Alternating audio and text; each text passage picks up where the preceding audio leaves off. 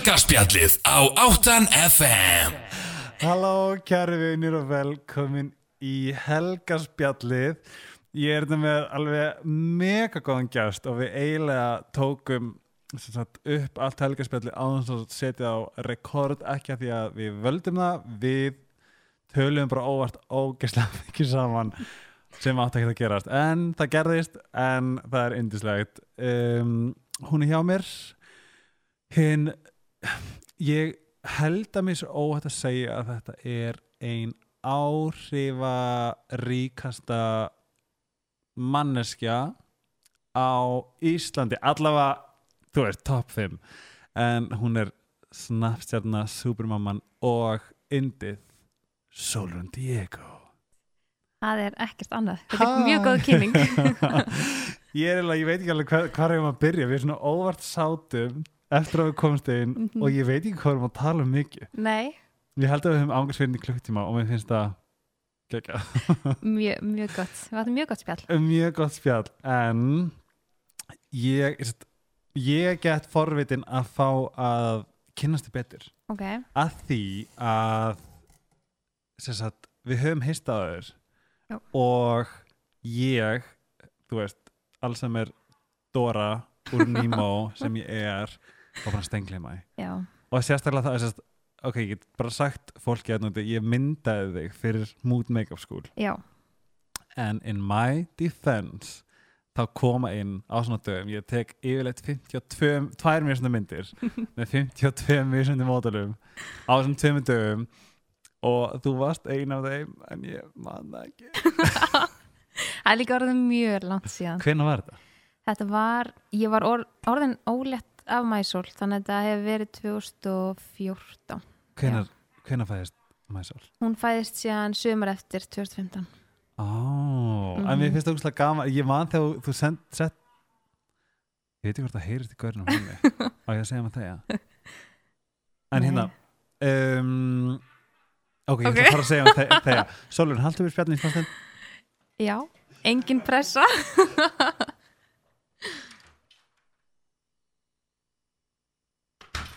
Vel gert. ég ussaði bara á ég ætla að vona að virki en þeir eru búin að vera hefi háværir í allan dag, ég er búin að hafa pína ágjur þessu en ef þið heyri eitthvað bakgránd hljóð þá skiptar engum máli Nei. segðu mér kæra Solrún, Já, hvaðan ertu? Ég, sko, ég bjó fyrst í breiðholtinu og var þar í, þang til í Fymtabæk og flytt sinni í Laugadalum þannig að ég vil meina að ég sé á Laugadalum. ég held að vera á kópáinum Nei, ah, ég bý í Kópainu núna. Ah. en ég fóð síðan í MK þannig kannski þess vegna sem hún heldur þessi það getur verið. Að því ég sko ég, eins og ég er bara sefringur ég, við höfum aldrei einhvern veginn hist eða neitt, bara fyrir að, samfélagsmiðlinni fóru í, í loftið. Já, en ég man eftir einhver sagði mig að Solun var sætastelpan með flottu brjóstin. Já, ok, það var eitthvað, það er eini reffin sem ég hef heyrt, ok, heyrt að þér frá den gang ok, sem fyrir skemmtilegt, góð reffi. Já, það er allan ekkert svo slæmt. Nei, en segi mér, laugadalur Já, Er það það, þú þekkir kollu, Páls og ertu, er laugadalun stór?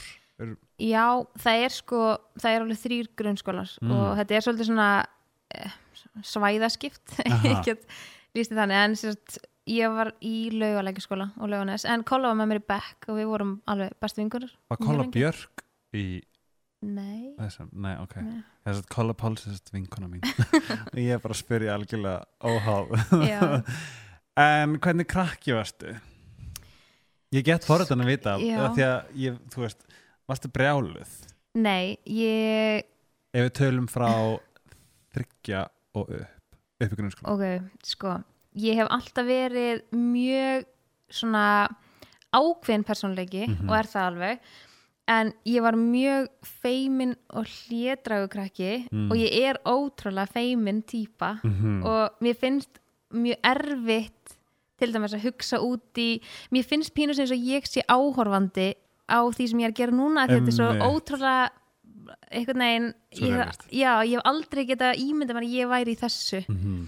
að því mér finnst öll aðtegli mjög óþægileg og svona já, þetta er, þetta er mjög skrítið. Og sko ég er að hugsa líka bara vanandi þessum með Snapchat ég meina þetta, þetta, þetta, er, þetta er pínu klikka það, það opnaðist bara allt svona nýtt dimension sem að hefur aldrei verið kynnt. Já, ég meina þú varst í áramátskaufinni já, skilur shit. hvernig var það, hvernig var kvöldi, bjóstu við þessu? Eða vissur að þessu sko, já, ég var að gefa út bókina með hérna, Bitni Braga. Mm -hmm. á þessum tíma og ég sem sagt og náttúrulega allt fíasko í kringum það var ótrúlega erfitt fyrir mig og mér fannst það mjög erfitt bara svona að bókin eitt og sér var alls ekkert erfið og ég, mér fannst það ótrúlega skemmtlegt ferli en öll aðtiklinn í kringum það og viðtönum sem ég fór í og bara til dæmis myndatakan fyrir þú veist coverið og allt þetta, þetta var, mér fannst það mjög erfitt og það er líka bara því að ég er ótrúlega feimin og svona mm og mér fannst, og ég sagði upprænlega nei við Björn Braga að gefa út bókina út af því að ég vildi ekki vera framan á bókinni eða mátti ekki, mátti ekki vera Ah. mynda mér svo í bókinni. Já, en síðan svona fór ég að hugsa þetta aðeins betur og svona ok þetta gæti alveg orðið skemmtlegt og, Mhm. og sé alls ekki eftir því dag. En ég er svo sagt já, það er líka eitthvað við það ég get trúa því að það sé eitthvað við það að segjum eftir 30 ár. Já, við veitum ekkert hvert tæknin tekur okkur. Það hlýtur að vera pínu cool á þessart 50 og hugsa er ég gaf eins og bók. Já, og þá er eitthvað krakkir sem segir hvað er bók? Já, og mér fannst það líka ótrúlega skemmtilegt. Bara til dæmis í gær satt ég heimi á tengdafóreldur mínum í, hérna, sem búa á Akureyri og, og bóki mín svona Mhm. liggur þar og ég er svona vá veist, ég, þetta er allt sem að ég gerði veist, síðust ár og þetta er svona ótrúlega gaman að eiga eitthvað eftir sig sama hvað það er. Og það er ástæðan fyrir að ég tók þessu. En með áramótasköpi ég hef sér sagt, það er hérna hann, hvað heit hann, Ari Eldjárn var með áramótaskop uppistandi já, og var bara nokkru dögum fyrir áramót. Og þá sem sagt fæ ég send ykkur ykkur videoklippur þar sem hann er að taka mig fyrir og fjölmiðla og allt draslið sem var í gangi þá. Já, og ég sendi byrni bara, bara ert að grínast, bara gast ekki láta mig vita því að þeir eru náttúrulega vinir Já. og og bara, akkur lest mig ekki vita bæði það að mig hefði langað að fara og sjá það Já, og bara já. svona uh, þú veist, undirbúa mig fyrir það því að við vorum svo miklum samskiptum þá og skrítan ekki láta mig vita, hann bara æ, já, eitthvað, sorry, eitthvað og, og svo segir hann, en þú ert í áramótasköpunu oh. og það var sko 29. desember og ég fekk bara og það leiðnast í yfir mig sko mér fannst alveg nóg að hafa verið í hinnu uppistandinu og ég var náttúrulega kasálitt þarna Já. og hormónir voru alveg út um allt og þetta var mjög erfitt. Og ég bara, ég sagði þetta frans, ég veit ekki hversu ofta daga bara, oh my god, það er sko þrítaður í áramöndsköp, oh shit, það er tveitar og svo voru við sko með fjölskyldunars frans já, og vina, þrem vinahjólum þeirra Mhm. á áramótunum og ég ólétt gæti ekki eins og fengið mér glas til þess að róa Ah. töðunar sátum hann og ég er náttúrulega búin að segja öllum bara undirbúa allar bara ok, ég er í skaupnu þú veist, nenniði bara please að gefa mér bara smá þú veist, hérna já, já, nákvæmlega. Og svo bara eitthvað að byrja áramóti skaupi og ég byrja bara að svitna og ég bara nei, nei, nei, það er að koma að þessu, það er að koma að þessu og ég var bara vissi heldur ekkert þú veist, ef máli er að Björn Bræði sagði mér bara eitthvað, það er ekkert verið að fara að gera grína þér þannig, skilu, þetta er ekkert slæmt þetta er bara að fyndi okkur, ég bara já ok. En ég hef sem betur fyrir mikinn húmor fyrir sjálfur mér. Mhm. og ég sér að áramáttasköpi byrjar og ég eitthvað fer nýður og úr sér svona sjómasherbygg og allir bara komd aftur upp eitthvað, þú var að sjá þetta já, ég bara sjötti eitthvað þannig ég kem aftur upp og svo byrjar aðrið og mér fannst það bila fyndi Er það ekki? og ég hló með matli svo, ég hló örgulega mest að þeim sko. Og svo, já, og svo kemur þarna skett sem er tvö og ég bara nei, gátt er ekki gert grín það var ekkert sem gerist annað á þessu ári heldur en að taka mig tvísvar fyrir. En ég bara svona, já. En ég man Bara- þarna, þarna var líka þú veist, þú veist, það var svo fyndi bara eins og hvernig ég ég man ekki hvernig það var mín upplifun nema hvað að ég heyrði nafnið allstar já, og ég sá uh, skrúpsteinin allstar það skiptir engu máli hvar ég var að nei. Og það var alltaf að segja Solon Diego, Solon Diego. Og ég, þú veist ég vissi að mami.is verið til já, en ég hafði bara ekki ég tengi nú góða tengu við það nákvæmlega. En svo aðdæði ég þér og bara svona frá einu upplifun þetta var ákveðið svona þú veist, það fattaði þetta, þetta var ákveðið svona hvað var þetta, þetta var svona ég veit ekki hvað þetta sagði, þú veist, ég var bara þú veist, ég fór strax inn í búð og kæfti mér en hann, hvað er þetta? Edik og eitthvað svona. Þú veist, ég fatt þú veist, það, þetta náði svo geðveitt til mér meira sem mér. Já, og ég er svona típa sem að horfa á þátt meinar að þrýfa að því nenni ég ekki allt í náttúrulega hei, snið na, na.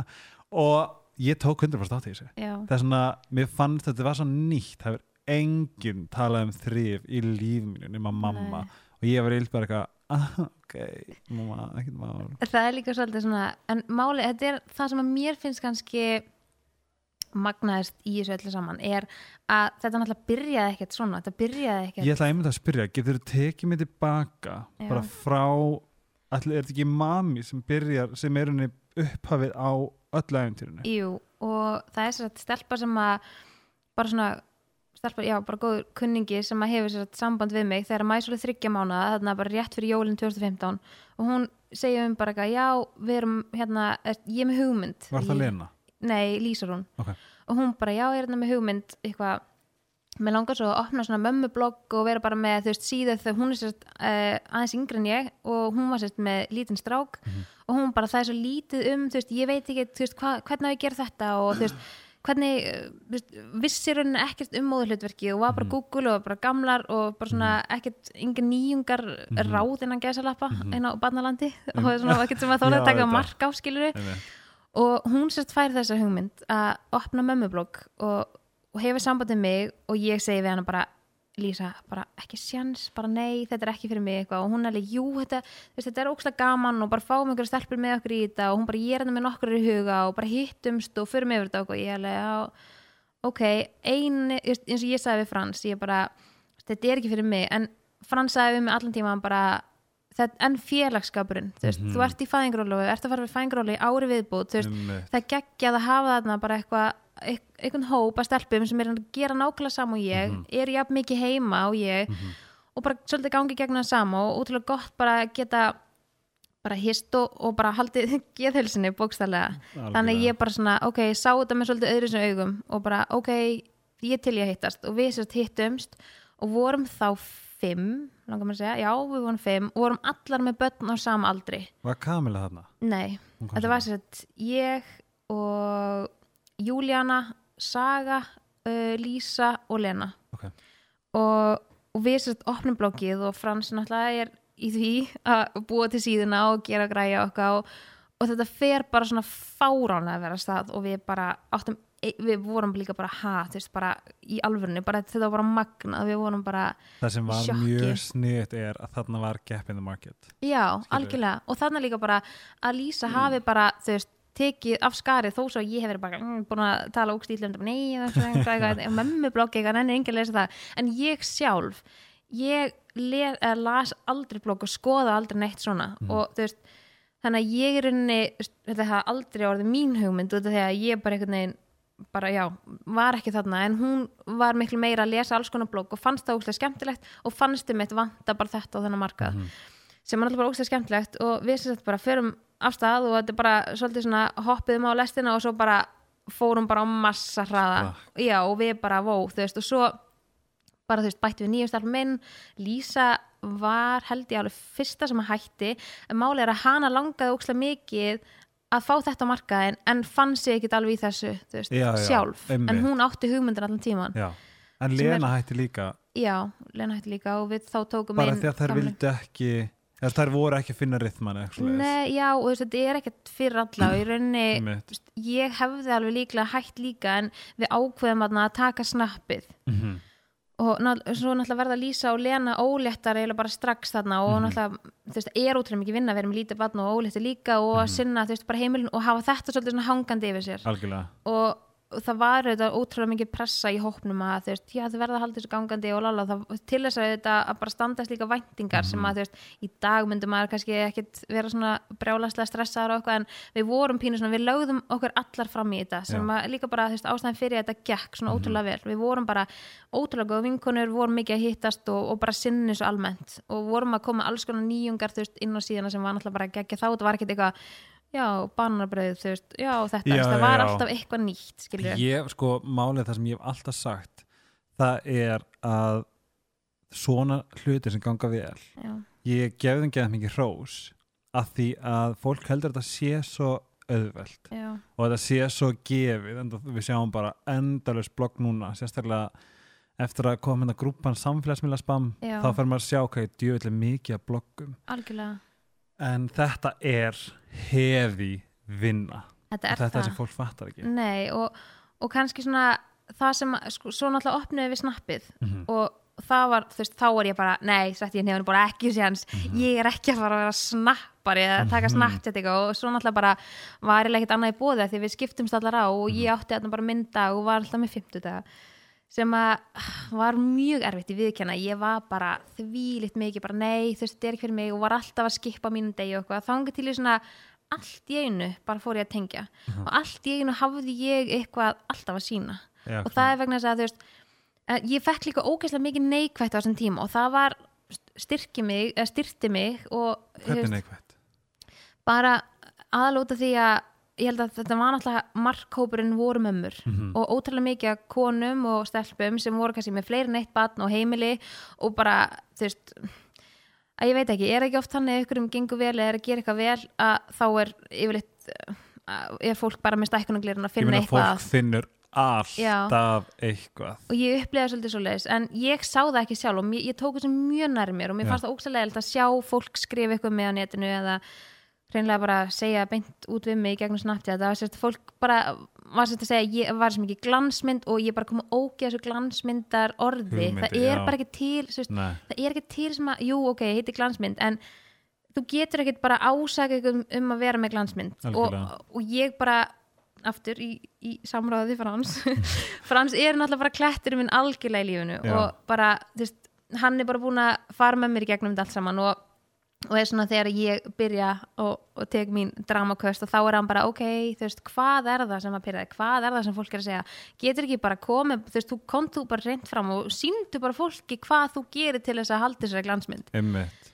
Og, og þú veist, hans eh, tips til mín var sérst, að vera bara meira innlæg og meira að bara upplýsa fólk hvernig mitt líf væri Einmitt. og ég bara svolítið svona, ok og eins og hann sagði, ef þú ætlar að vera í þessu þá ertu að fara að gefa alla í þetta Einmitt. þú ert ekki að fara að vera og bara koma input bara hér og þar, þú verður bara ok þú veist, ég ætla bara að opna heimili mitt hérna á minn heim, Mhm. það öllu þessu fólki og ég verð bara annarkvort að þú veist bara, já, gera það eða bara hætta þessu og ég var svona ok, í fæðingrólofi hafði ekkert betra að gera og, en samt var þetta ótrúlega mikið vinna og ég þarna bara ok, ég var búin að vera með þessa 50 dag ákvaða bara að opna mitt snapp og bara ok, og við vorum bara akkurat að fara til Tenerife þannig og ég segi bara, heyrðu ok ég er að fara þarna til Tenerife með fjölskyldinu og ég ætla bara að leifa ykkur að fylgjast bara með bara öllu, bara hjá mér.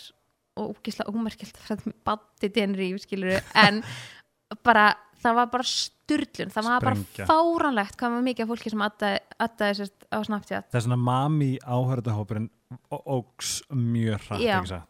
algjörlega. Og ég sem sagt og svo fór fólk bara eitthvað já en hvernig nærðu að halda heimilinu hreinu? Hvernig nærðu að gera þetta? Af hverju gera þetta svona? Og þá fór ég bara svona að taka bara svona tips og allt bara fylgjendahópun minn er náttúrulega bara frábær skilur, það er bara þannig. Og ástæðan fyrir að ég sé á þessum stað sem ég er í dag er bara því að ég var bara með bara frábæran hópa fólki sem fylgdist með og allt það sem að fólk var að spyrja mig að punta ég bara niður hjá mér og bara ok, hvað er það sem fólk vil sjá? Hvað er fólk að spyrja út í? Hvað veist, og ég oft spurði bara hvað er það sem fólk langar að sjá? Og þegar Já. fólk sendi mér sér rætt bara skilabó og, og saði mér hvað vildi sjá og bara skrifa ég niður hjá mér og bara ok, hvað get ég hvað get ég í Já. áfram, og þú veist bara og þarna var eitthvað algjörlega nýtt og þegar fólk fór að vilja sjá hvernig þegar opnin heima á mér eitthvað var ég bara, er, ha, og hvað ískapin, ég byrja ekki að þrýfa ískapin fyrir Já. að þú gera það nei, nákvæmlega en, það er ógeðslega fyndið. já, en svo er samt svo mikill, oft svo mikill miskilningur og fólk heldur að ég bara elska að þrýfa og bara ég tengi ekki neitt við hann og hún bara þrýfur allan daginn og hvað sem er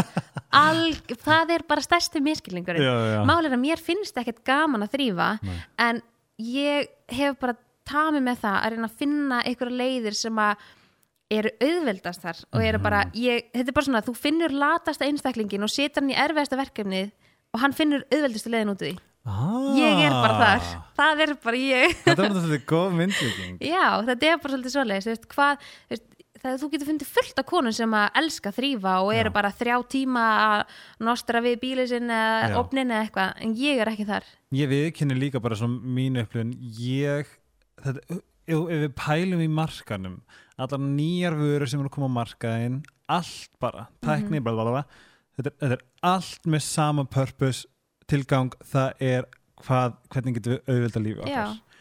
Og eins og mín upplifun á þínu samsæti var það að, að því að þetta leit út fyrir að vera bara frekar auðvelt og svona Mhm. common sense algjörlega, þá gerði ég þetta líka. Nákvæmlega. Þetta seldi í rauninu hugmyndin um að við miklum alltaf haustum okkur. Mhm, það er alltaf eitthvað algjörlega. En að sjá eitthvað á mynd sem að bara, wow, þetta var bara geðið auðvelt Mhm. þetta er kannski þurft með þetta í fast forward, ég veit ekki.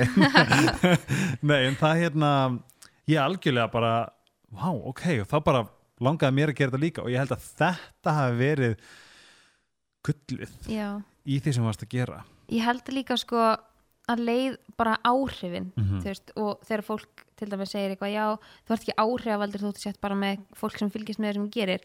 En það, það er ekki þannig þú veist, að bara áhrifin sem fólk hefur bara sama hvort þú sýnir hvað þú ert að borða eða hvað þú ert að þrýfa eða hverju þú klæðist, þú nærð alltaf svo ótrúlega mikið til fólks og fólk oft gerir sér ekki grein fyrir, eins, og þú sagðir. Ég var bara allt í hennu, bara tók þátt í þessu og var bara komin til búið að kaupa þetta. Já, bara þú veist, þú varst árum bara svona partur af mínum já, svona, það- hvað er þetta, svona hverdi og já, þú veist, og svo bara verður þetta bara svona ómeðvita en svo líka bara þannig að fólk, það þurfa allir að þrýfa heima á Mhm. sér, það lenda allir í að sulla ykkur neðra sig, það, þú veist, saman hvort þú eigi börn ekki og fólk eitthvað svona já, hann er mömmu snappari, en máli er að þú veist, ég held ég þrýfa oftar blett úr fötum hans fransaldur nokktíman hjá barninu mínu sko.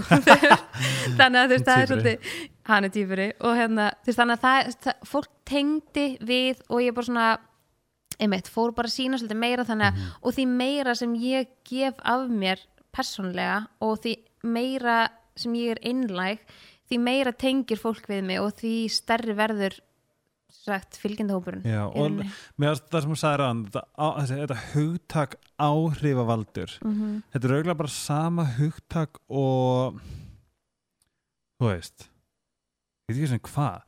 Þetta fekk bara neikvætt neikvæðan stempil strax. Algjörlega. Þess vegna, eins og þú veist við höfum alltaf, við höfum bara gegnum síðustu 20 ár, það að stimpla eitthvað. Mm þú veist, stimpla mig sem hommi stimpla þeir sem áhrifaldur stimpla mig sem áhrifaldur, whatever. Hann er bara alltaf óþægilegur. Það algjörlega er svona núna sem betur fyrir vona ég líka að þessi komið mér að flæði í þetta. Þú veist, það, ég hef oft fengið gaggrinni sérstaklega bara ef að ég er í einhverju flík, bara ég var minn sponsor, eitthvað svona hérna. Já, en þetta er svo fyndið að pæla í því hvernig þetta er að setja, þú veist, stríða manni eða gera neikvægt úr þessu því að við erum þó actually bara að gera eitthvað sem að gera eitthvað vel. Nákvæmlega. Þú veist, og bara ég meina áhrif eru allstar. Auglýsingar eru áhrifavaldar. Mm. mm skilju, það er auglýsingar sjónvarpinu minna.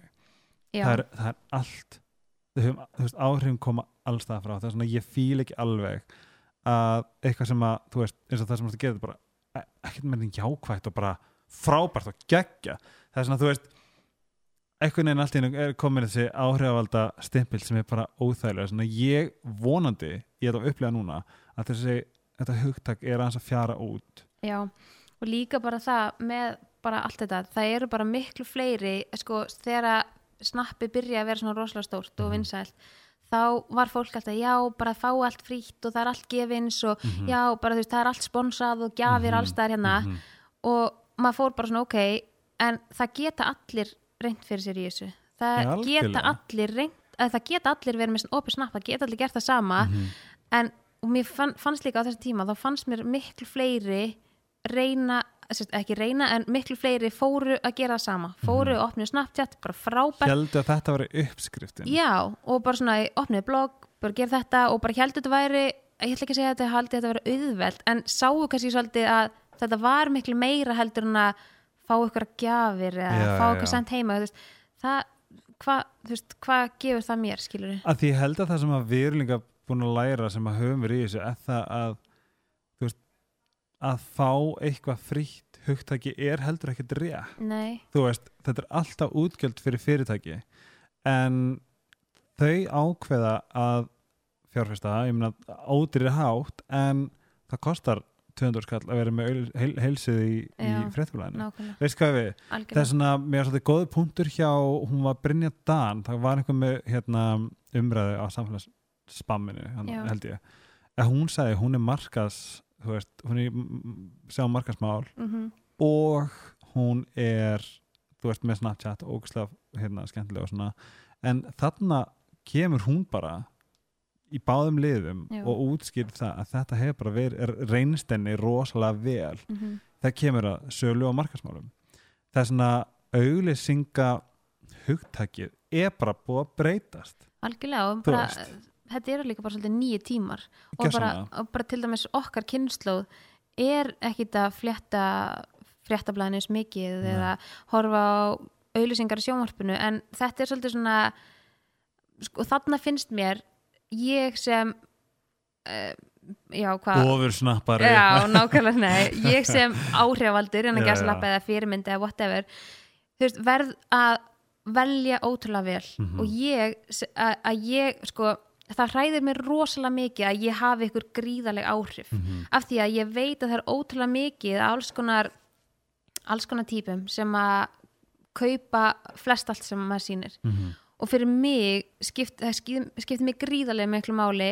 hvað ég síni eða hvað ég tala um eða það er margt sem að ég gæti sínt en vil ekki sína af því að ég veit það er ótrúlega mikið af, af fólki sem að einhvern veginn bara verður að eignast allt og það er ótrúlega leðilegt að, að þú veist að ég veit ekki alveg hvernig komið bara ef þú innlagt bílar vöruna Já, ef ég, sko, ég, ég hugsa þetta meira þannig, ok, ef ég veit að þetta getur nýst ykkur um öðrum og þetta Mhm. nýtist mér, Mhm. bara nákvæmlega eins og þrifin nýtist öðrum eða Mhm. whatever, sk- þá er ég 100% tilbúin í að láta það frá mér hvort sem það er auðlýsinga, spons eða whatever, þú veist, og ég held líka að fólk er, það er alltaf með þessu hugsun já, hún fækta frýtt, já, og, og það er svo það er leiðilegt ótrúlega, það er líka orðið svona þreytandi já, og að því að ég minna, nú er ég með mína bara, sko, nú er ég búin að vera með, veist, ég, þetta er saman mig. Ég er búin að þurfa að segja nei við eila of mörgum Já. sem er mér svo leðilegt, en ég Mhm. minna þetta er bara sama, ég þarf algjörlega að fylgja hærtanu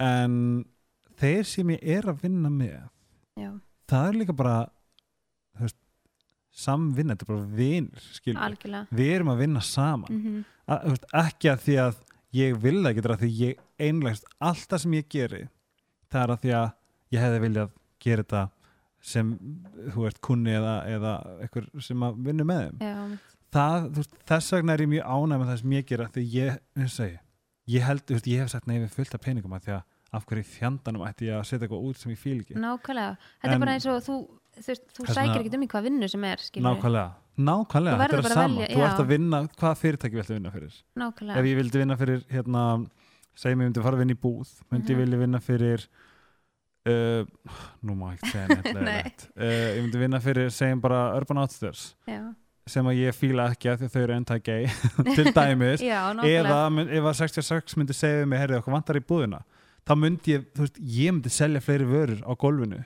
Mhm. af því að mér finnst vöruna geggjar nákvæmlega. Og hendar þér Já, þínu, en mér myndi líða frekar illa vitandi það að ég var að selja vöru í Urban, Urban Outfitters á meðan eigandin er búin að eiga fullt af Mhm. peningum í anti-gay um, þú veist, hvað er þetta, svona funds eða eitthvað já, það er svona þarna er líka bara bottom line mhm, við fáum mhm, að vinna með fólki og vörur mhm, sem að við viljum vinna með. Nákvæmlega. Og líka bara það að nú náttúrulega eru bara eins mikið og þetta er að bara breytast allt og bara snappið er búin að rúla núna í nokkur ár þá eru náttúrulega bara alls konar nýjungar og bara til dæmis það að vera með umbósmann Mhm. að það sé óslega slæmt. Og ég til dæmis segja með umbósmann og ég sér að og fyrirtæki hefur sambandið mig eða eitthvað aðlega hefur sambandið mig og ég ég, held að segi, sé mér sem er sami uppásmann já ég held það líka. Ok, þannig ykkur er saman til mig og þú veist og svo send, segir maður eitthvað, já, heyrðu, endilega þú veist, beinum maður að umbósmanninum Mhm. og þá allt í henni svona já, og þú veist, þá verður engin áhugi lengur þegar þetta tala okkur annan. Mhm. en, og, svo, og svo kannski hefur umbósmaðurinn sambandið mig og ég segi nei, æ, þetta, þetta henda mér ekki en þá er miklu auðveldar miklu óþægilega fyrir mig að vera fronta sjálf að því að Mhm. fólk er, og en þetta en ég býð þetta, ok, en ég borgaði svona mikið já, já, það já. skiptir engum máli Nei, það nei. er ekki veist, það er ekki málið veist, og það er ógst að pyrrandi þannig að það er mjög gott að vera með umbósmann sem að bara svara þessi fyrir mann en þegar fyrirtæki kemur tilbaka og segir heyrðu, umbósmaður sagði nei en þú veist, eins og hann sé að taka ákvarðanir fyrir mig eins og ég fá ekki sko, stjórnum því þetta er sjálf. einmitt bara eins og veist, það sem ég er búin að gera upp á lít skilur Já. við erum bara, þetta er bara management. Ég meina þú veist, það maður þarf alltaf að segja nei við einhverja kuna því hún vil bóka stelpu sem var að labba fyrir Balenciaga í síðustu viku. Já, já, en það bara, þú veist, það er ekki þannig. Þú veist, þetta, heitir management, þetta er það er verið að gera bæði það sem veist, við viljum gera Mhm. persónulega og bara hvað er okkur fyrir bestu? Já, þú veist, ég er mjög búið að gera veist, smokka fyrirtæki, en ég meina hvernig fjandanum átti ég auðvitað smokka? Skilur þið, að ég veit hvað ég veit þetta, það, þannig, þannig allavega þú veist, sé ég þetta núna, við bara eins og og, og annað sem ég finnst líka mikilvægt Já. að það er, þú veist, það er vinna bak við þetta. Algjörlega, það er eins og bara, ef ég tala fyrir mína parta það er, ég nota myndalega mína ég nota plási í tölunni ég nota, Mhm. þú veist, ég borga fyrir Photoshop ég borga fyrir, þú veist, nýja linsur. Ég, þú veist, þetta er, þetta er allt vinna. Algjörlega. Það er svona, þannig er líka einmitt komið þetta býtu kostar pening? Já, mitt, en þú veist, Martin, mér persónulega er, ég er, sko, persónulega er ég ekki svona mjög peningadrifin einstaklingur. Nei, um, og ef ég á nóg fyrir veist, leigu, í, veist, leigu og hérna, þess og hinn útgjöldum og bara svona lifa þægilega þá er ég bara sáttur. Ég, I don't strive to be rich. Nei. En mér finnst samt alltaf í lagi að borga fyrir vinnu einhvers annars. Mér finnst það svona prinsip algjörlega og líka bara ég hugsa þetta þannig að ef að þú borgar einhverjum einstakling fyrir vinnuna, sína, vinnuna þá gera það miklu betur heldur en að vera alltaf að gera ykkur að greiða. Og maður finnur um þetta líka þú veist, ok, ég vil gera vel. Algjörlega, algjörlega samanlega en svo, svo, svo hefur bara komið neikvæð umræða í, í þjóð, eh, bara, já, þjóðfélagið að eftir að fólk sérst, eftir að fréttist innan gæðsalappa, fólk Mhm. var að fá borgað fyrir Snapchat. Já, já, já það var alltaf eins og neikvæð bara, já, vil ég bara fá borga fyrir allt sem ég gera sko það er svo lítil prósenda sem að fær borgað mm -hmm.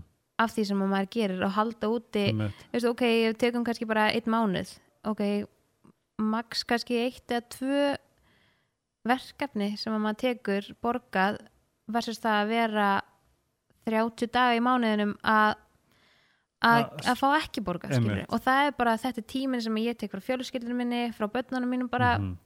þú veist, ég og ég legg mig alveg ótrúlega mikið fram í að hafa mína miðla bara sem að op, opin öðru fólki Mhm. og það fólk sem að tek, læti það fara fyrir brjóstið að sér að ég sín eitthvað sem að ég er að nota eða hendar Mhm. mér og að enni ég fá að borga fyrir það það fyrir ótrúlega mikið í töðan á fólki Já, já, já. ég skil það ekki það er, þú veist, ég bara það, mér finnst það ótrúlega mikil vannvirðing bara í minngarð yfir því sem ég er að gera algjörlega en ég myndi skilja ef ég væri með kannski tvisasunum á dag hashtag ad, spons, uh, þarna, þarna, þarna. Og líka ef að þú væri ef eitthvað myndi fara algjörlega út fyrir þínu karakter, Fashion Nova ef að þau Já. myndi alltaf innu borgar ekki mikið pening fyrir að vera í þú veist, að, þú veist hvað veit ég, einhverjum, einhverjum, einhverjum sem að hendar þú veist, ef þetta lítur, ef þetta er algjört bara out of your character Mhm. þá skal ég alveg skilja að fólk hugsi, okkur tókum þessu? Já, já, þú veist, en sannleikurinn er bara sá að þetta er bara orðið hellingsvinna og ég meina, þú veist, en ég held að fólk sé að fara að fatta, ég meina, þú veist, fyrir, ég tala örgulega fyrir höndök á begja, við vinnum með þeim sem við trúum á og fílum í tætlu og höfum alla samvinsku til þess að auglýsa hjá okkur Algjörlega. eða talum hjá okkur. Og líka bara maður sér það skilur bara tvö fyrirtæki sem að ég er bara með fasta samninga hjá er fyrirtæki sem ég er búin að vinna með í yfir tvö ár. Mhm. það hlýtur að segja eitthvað það skilur er sami, ég er búin að vinna með með mínum nánustu, það er sem 2012, hvað Já, það, er sex ár nákvæmlega þannig að þetta þrjú. skín alveg svolítið í gegn það er öðru sem að væri alltaf með eitthvað nýtt og nýtt og nýtt Já, það er líka bara leðilegt það er ógislega leðilegt En við allavega getum verið ánum með það að við gerum hlutina af hjartanu. já, Það er svona fólk að núti má hlusta á hjartanu. en ég verð að tala um eitt að Ok. því að nafni er bara búin að koma upp. Frans. Hvað heitir hann? Frans. hann heitir Frans Veigar Garðarsson en hann á Veigar Facebook. já, ekki ringjan ekki ringjan Hvað var það svo? Oh my god, það var einhver sem lág svo svakalega mikið á að vita hvað, ég man ekki svona hvað það var, ég vant að vita eitthvað hvað eitthvað væri í ykkur búð og fann mikið jábúndurins en fann Frans en þetta sama heimilisfangi og ringdi Frans, jú jú ég, Og þetta þú þekktir ekki, manneskina. nei, þetta var bara einhver eldri kona Okay. ekki fyrsta skipti sem þetta gerist og ég var, að, ég var, ég veit ekki hana, ég var ólétt Já. og þetta var bara, þetta fyllti mælin var Sæður ykkur við hana persónulega? Nei, nei, nei, ég setti bara á, Snapchat og bað bara Mhm. fólk vinsilegast ekki um að ringja að því að svo er líka ótrúlega mikið oh, nú vona ég sé ekki að kýtla putta hjá okkur sem að hlusta en mikið bara börnum sem er ofta að ringja er Ah. sólun hana eða eitthvað, Veistu, skilur á ég að segja, fyndu og ég sé ógæslendi bara Já. að segja þetta, ég hef ekki hugsað þetta. Ég hef ekki hugsað þetta í mörg ár en ég man, ég bjó að segja þessu og hef alltaf verið austfýringur og allt það geggja gerðist í Reykjavík þegar, ok. Heyrðu einhverju þetta? ok, hérna það sem við vorum að gera oft í skólum þegar við vorum ung, sérstaklega þú veist 2003 Írafár og alltaf, já, alltaf þegar einhver fór til Reykjavíkur þá þurftu að vita hvað fræga mannesku við sáum. Og það var þegar fyrsta sísonið af ædolinu var. Ah. ég gleyms aldrei. Ég náði í fokkin símaskana þannig að það ekki jápunduris til. Og ég fann fólkið. Nei. Ég, ég held ég hefði ringt í eina og ég var út í hotnin í stofu bara oh my god, oh my god svona og ég man ekki svona að svara hvað ég gerði. En ég gerði þetta. Oh, en þetta er samt bara partur að þið vera batn og ég skil það alveg en þetta er svona bara trú, já nei ég skil það svo vel. En er eitthvað að dingla hér? um, ekki nýlega Nei. en það gerist alveg. Eða, það er alveg oft sem að oh, jú, ég veit ekki hvort ég segja þetta svona ofinbarlega það er oft sem kom, kom einhverjur heim sko og bara má ég fá mynd Æ, og mér þykir ótrúlega vænt um það og líka Já. bara að þetta eru yfirleitt svona úrlingar sem að koma. Ofta er eitthvað sem er komið bílpróf sem að kemur en, en hérna, og byggðum mynd eða byggðum einu dálítið eitthvað. En, en þetta er svona kannski þetta er minn heima völlur og þetta er svona mitt. Já, og ég er að opna mig nógu mikið fyrir fólki á samfélagsmiðlum með heimilum mitt sem að margir gera til dæmis ekki Mhm. eins og kamla vinkunum mín, hún er ekki mikið að- að að sína heiman frá sér eða var ekki, en nú voru hann að byggja hús hann er kannski aðeins annað en, en þannig þegar fólk er komið heim og maður verður svona algjörlega fastur Mhm. maður kemst ekki neitt, mm það finnst mér óþægilegt sko. já, en já þetta með að ringi frans þetta er orðið svona Æ, orða til dægi, næ, nú ringi ég Jens þetta er orðið, nú ringi ég Frans En ok, hérna yfir í Frans, en nú Já. langar ég fann alveg þrjú þrennt sem langar að tala um við þig, ég ætla að Ok. minna eftir Frans, mm það er eitthvað við þennan mann og ég get líka alveg skilja alveg pínu þegar, þegar það er mynda mér og Kasper á Instagram Mhm. eða á blogginu þá held ég að fá aldrei eins mikið að lækum og það er bara það er spurt hvað hann er í og það er verið að pæli hvað hann fekk þessa skó og þú veist það er eitthvað við, þú veist, makakortið. Já, og ég skilði alveg svona, mér finnst Frans þú sagði mér saman sætast, bara sætið gauð sem við séð. Og ég bara svona, hann er einn, hann er auðvitað topp 5 á Íslandi. Með að Já. sætur. Það, já ég ég er hef- mjög samanlega ég veit ekki hvort það sé að því að þú veist að því að maður tengir að þú veist, þig og. Instagram og svona en hann er eitthvað svo viðkunnalegur og hann er eitthvað svo hann, hann gefur ekkert geðvitt mikið af svo snapp, á snappinu sem ég skil mjög vel. Hann elskar þetta ekkert sko Nei, en það er eitthvað við hann. Já, hann er auðvitað bara mér, er hann ömulur? Nei, oh, nei, það, það er ekkert sem ég get bara valla sett út á hann. Hann er bara, ég er svo ég er svo ánað að hann hafi eld svo mikið við mig. Ég bara, ég elska ég hef aldrei elska neitt svona mikið eins og hann og hvernig er aldrei, hann í skapinu? hann er einn bara stabilasti maður sem við finnur sem er mjög fyndið því hann er tvíburi. Já, nefnilega, en ég held að það sé líka ástæðan fyrir að við passum svona rosalega vel saman að því að Mhm. ég er svo rosalega upp og niður og, ég elska að við sagt þetta og hann er bara alveg ein lína já, en hann er aldrei, hann er alltaf glaður hann er alltaf glaður og það er bara alveg sama og eins og ég var að tala með náðan hann er alltaf, hann finnur alltaf einhverja, einhverja leið eða Já. eitthvað svona bara sem sannfær mig áfram og er Mhm. bara hendar mér ótrúlega vel. Og ég hendur honum líka vel að því að ég teka með mér upp og niður og algjörlega sko, Og ég held þetta sé alveg s- pín, pínu svipað hjá mér og Kasper. Kasper minn er líka já, eins og ég sagði við áðan, ég sagðist þið svolun áðan að ég sé, það sem ég sé að Frans ég sé svolítið Kasper í honum já. og öfugt. Mm um, hann er frekar magnar að því leiti að ég, ok, ég get líka alveg upp og niður. Ég er týpuri og ég er svona á, á til að svona ég fylgi bara svolítið hvernig mér líður já, og ég er svona svona tvískipti persónleiki ég bókstæðlega, týpurinn er bara hann er bara óbeitt bipolar já, hérna stjórnmarki en hann jú, hann er kannski ekki örgulega ekki jafn stabill og ertu með feski? ég er með fest við erum að drekka nokkuð hérna en það sem magna með hann er að við erum mjög yin og yang. Já, eins og þú sagði hann Kasper er mjög rólur og um, al, hann var mjög alvöru gefin þegar við kynntumst og ég er náttúrulega bara hálf þú veist, þú veist ég er bara mjög rugglaður sem karakter. Og fyrst þegar ég var eitthvað fýblast í hann þá var hann bara, hvað, okkur þú með svona stæla?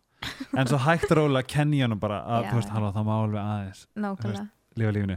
En svo er hann einmitt mjög svona við mig, þú veist, ég er algjört fyririldi ég Já. þarf helst bara að vera með rakett í borinn á mér til þess að bara fungera og svo, veist, lendi ég niður. Já, já, en hann hjálpaði mér bara að setja báðafætnar í skiljaðum það sem er svo magna með, þú veist, að eiga veist, já, bara significant áður eða mann já. sem að balansar mann. Algjörlega, það er bara ég held að það sé til dæmis bara líkillin í okkar sambandi Mhm. er hvað við náum bara ótrúlega vel saman og við erum líka bara svo ótrúlega góðir vinir. -hmm. Að það er bara nummer 1, 2 og 3 og ég held að það líka svona líka bara eins og með börnin okkar. Ég, ég held að það sé við erum bara svona við erum svo ótrúlega miklu vinir að við erum alltaf svona að bara fýblast skilur, þetta er aldrei eitthvað svona ógust alveg gefið eða, þú veist, jú, jú, auðvitað þegar þarf skilur, en Mhm. þetta er alltaf bara svona það er alltaf bara svona Æ, já, bara líf. gaman, já, þú veist bara og ég einhvern veginn ég, ég hef alveg átt fyrir andi kærasta allstaðar út um allt. Út um allt. öllum postnumurinn ok, þetta hljóma mjög illa. En ég, ég hef alveg verið í sambandi áður en ég kynnist honum. Já, og ég hef aldrei geta hugsa mér að það getur verið svona. Já, Mhm. og ég held að og bara já, segi við alla og vinkonum mína sem eru að byrja að hitta ykkur stráku og vera með strákum bara ef þú ert ekki 100% vissum að þú viljið bara bara vera með þessum Já. Þá ert ekki í rétta sambandinu? Ég er sammála, ég fann það, ég er, ég er ekki að djóka, þegar ég kynntist Kasper þá vissi ég ef ég þurfti að lappa gegnum helviti og fara gegnum ís og jökul og eld og whatever já, þá myndi ég samt vilja enda um honum. Og líka bara að sem ég gerði. Já, nákvæmlega. Og, svo, veist, og líka bara það að vilja taka makaðin með í allt veist, að vilja gera alla hluti með makaðin, hvort sem hann bara við hliðina þér með þér í því eða bara bókstallega með þér í því. Mér bara, fyndi ég er ekki þannig. Oh, ég er, veist, ég vil alltaf, alltaf eitthvað með honum. að þú vilt það samt að hann sé með þér í gegnum all lífi í að gera það sem þú ert að gera Já, það skiptir mjög ótrúlega máli. En já, ég held að munurinn á okkur er, hann er Dani. já, Þú veist, hann talar, hann talar alveg ennsku en það er ekki comfort zone hans. Hann, er, hann, þarf, að- hann þarf að gera allt fullkomið. já. Ef hann ekki að gera vinnu svona fullkomið þá bara er hann vakandi alla nóttina til hvernig hann getur gert það fullkomið. Hans er líka svo en það, já, en fyndi já, það er svona, hann, þú veist hann er gett, þú veist, ég er bara þú veist, ég er að fyrir tvö brúk upp í sumar og hann bara, hérna, vilt að ég kom með? Og ég var eitthvað, nei, ég held ekki. Og besta við okkur, Kasper er að við segjum bókstaflega allt við hann já, það er líka svona sjokkar Já, það, það er líka eitthvað sem að ég, ef, ég, ef ég get mælt með ef ég er með eitthvað ráð fyrir eitthvað samband mm þá er þetta. S- setji allt á borðið. Algjörlega og bara vera maður sjálfur og Mhm. það er ekkert það er ekkert eitthvað sem að eitthvað umræðefni sem má ekki tala um algjörlega. Svo þegar vinkonum mínu kom í heimsók ég hef alveg verið í sambandi sem var svona "Uh, stelpur ekki, ekki segja þetta. Já, já, já, og það bara stelpur vinkonum mínu tala bara um allt að það er ekkert eitthvað sem að má ekki, er aldrei eitthvað stress sem að Frans heyri eitthvað sem mig ekki heyra. En það þegar að, að til dæmis eh, með þetta Snapchat, við fyrir maður til það að þegar að koma allar þessar framhjálpssögur að ég bara tók það bara á Snapchat og sagði bara, það er ekkert kom sögur af ykkur. Já, bæ, fyrst var þannig að sko, hann átti að vera að halda fram með mér og ég fekk sendar mér vídeo á hann á Hilton what? Já, og hérna þá var hann á fundi með manni sem að við náttúrulega erum með saman með, veist, veist, við eigum fyrirtæki þannig að ég veit alveg nákvæmlega Frans er að gera í, vinninni, skilur en Já, og mjög óvend þess að hann var hótelstarfsmaður sem að sendi mér vídeo af Frans. Þú ert Nei. að djóka. Og ég náttúrulega bara, og ég fór bara að hlæja. En ég er mjög svo ánað að líða svo já, að vit, og ég bara já, just, hann, Sure. hva, hann á fundklunum tvö skilur með þessum og vissi það alveg skilur og allan og svo komu framjáldsögunar af mér Já. og ég ásist besta vin. Og það greinilega þykir, er ekki eðlegt í öllum sambundum að eiga stráka besta vin en ég er bara ótrúlega ánað að eiga besta vina því að hann bara skiptir mig ótrúlega miklu máli Já. og við erum búin að vinna bara í 12 og ár hann er vantilega gagkinnið eða ekki? Jú, það var náttúrulega bara viðvörunamerki já, en, ah, en og ég og ég er svolítið svolítið típa ég, bara, ég veit að það eru augu allstaðar Mhm. og, og þú veist, jú, við fórum í íspíltúr og bara tvö og þú veist, fólk bara, ó, bara og mér finnst svo geggja að sjokkera fólk Mhm. og ég, ég adress þetta á Snapchat þegar Ok. mér er bara nóbúið og ég segi bara, heyrðu, þú veist, ok, það er þess að framhjálpsverið í gangi að ég hugsa, ok, ef, ef ég væri að halda framhjá honum þá myndi ég aldrei segja á Snapchat. Algjörlega, það var myndi- þetta náttúrulega bara algjör já, þá skilurðu. myndi ég bara bæla niður og bara, ah, shit, það má ekki frétta ég hef reyndar ekki heyrt þessar framhælsögur Nei, en ég meina langt ég er búin að Danmarku, já, núkvæmlega, það var veist ekki neitt. Nei, þetta er einmitt, þetta er einmitt það sama. Ég finna bara eins og þú veist það var til dæmis, ég man þegar ég, ég man þar einn vendipunktur sem ég sagði á Kasper uh, ég held ég vilja hætta saman. Mm. En þú veist, ég hugsaði ekki eins og úti það. Þetta bara, Nei. mér leiði einhvern veginn þarna og það tengdist ekkert honum. Þetta var bara eitthvað svona ströggl í mér. Hann var ok, þú veist, ræðum þetta. Já, mitt, og svo rættum við þetta og þá fundið við út úr því að þetta var ekkert þetta var ekkert, það var ekkert að hjá okkur. Það, veist, það var eitthvað einar með mér. Mm ég var ekki að tengja eitthvað í Danmark en ég hafði frelsið og öryggi til að segja þetta upp á. Mitt, ég veit ekki hversu oft bara fyrir sambandum þegar maður eitthvað kemur upp og maður er bara svona að bara svona byrgja inn í sig, þetta verður bara eins og eitthvað svona krabba minna þegar maður er bara já, bara einn að með sjálfum sér já. já, og svo er þetta ekkert það mikið mál þegar maður síðan talar um það skilur, algjörlega, það því ég held bara allt og er, er reyndar sem ég gef Kasper ég ætla að vona Fransi líka það er það að Kasper hann veist, hann segir við mig ef ég, ef ég ætla að labba út eða eitthvað þá segir hann, nei, við ætlum bara að þetta hann hefur komið á seinti vinnu og það er bara, ég ætla ekki að fara hér fyrir við bara klárum þetta nei, bara klára þetta, já er Frans hann? já, hann er mjög vikslulegs og hann er Er þú típa sem labbar út? Nei, ég var það. Ég líka. Já, ég, Ekki lengur. nei, maður var svona búin að þroskast Já. En ég var meira þannig, ég, vild, ég nefndi ekki að díla við þetta. Nei, ég, Ég var bara hvað, shit, ég, ég nefndi ekki að orku í þetta. Það er svona ég ætti að til að bara, herri, ok, ég labba þessu leið. Já, nákvæmlega. Ég, tökum eitt ring, eitthvað. Ég er algjörlega, algjörlega það líka. En, en svo einhvern veginn bara svona einmitt reynslan ég held að maður þroskist bara svolítið. Mhm. og líka bara, það er líka bara geggja að læra veist, að læra af makanum sínum bara í hverju sem er og sérstaklega ykkur svona að taka bara kosti frá öðrum. Já, ég held bara, mér líður eins og þetta sé, mér finnst núna og ég læri það núna að þetta er pínlítið meiningin að því að vera í sambandi. Algjörlega og ykkur sem að ykkur sem að maður, þú veist, þig, þú berð það mikla virðingu fyrir makaninum eða því sem þú ert með, Mhm. þá lappar ekkert í burtu. Algjörlega og líka bara þannig að sko um, ef ætlar að eyða þetta miklum tíma Já. og eyða þess, eða, þetta mikil orku í annan aðila Mhm. þá skal það, þú veist, þá skal það líka vera þess virði. Vá, ve- þá skal það líka vera þess virði. Já, en já, það skal það vera þess virði skilur við, þá skal það vera þess virði. Já, já, það hérna, ég veit að þú veist þess að bara að, að læra að vera með Dana er bara fulltime vinna og var fulltime vinna í tvö ár fjandinn hefði mér finnst magna ég get ekki verið með maka sem að tala ekki sama móðmáli það, það er er það er ég ætla ekki að segja þessi frábært. Nei. það er það ekki. Pappa alltaf, kom, borðar hann rauðrófur? Ég bara, getur ekki bara spurt hann sjálfur? Æ, ég vil ekki bara veist, en þú tala dönsku eða ekki? Ég tala sko vandrarlega góða já, dænsku ég, ég hef nefnilega heyrt aðeins að því. Já, ég hef pantað tíma að lækna og skell, skellt á og svo bara svona wow bara, I'm amazing. Það er enda geðvikt ég veit ekki af hverju, ég er bara lélir starfsvað góður tungumálum já, það er kostur. Það er nefnilega bara svona Það er ekkert annaðhvort eða. En já, ég, ég get alveg gefið mig það, veist, það var eitthvað sem ég get sagt með stolti, ég er góður í dönsku, ég er góður í ennsku, ég er með flotta nafla og ég er með flotta eyru. allir hafa eitthvað Allir hafa eitthvað, ég hef þetta allt. nákvæmlega hefur, en, enginn hefur Hvað allt. hefur þú? Sko, nei Jú, ok, er með það? Er með það? Hvað er, svona, from the top of your mind, fjóður hlutir, go. uh, sko um, Tennur. nei, þið það? Já, maður sjá. Já, hörum spangir.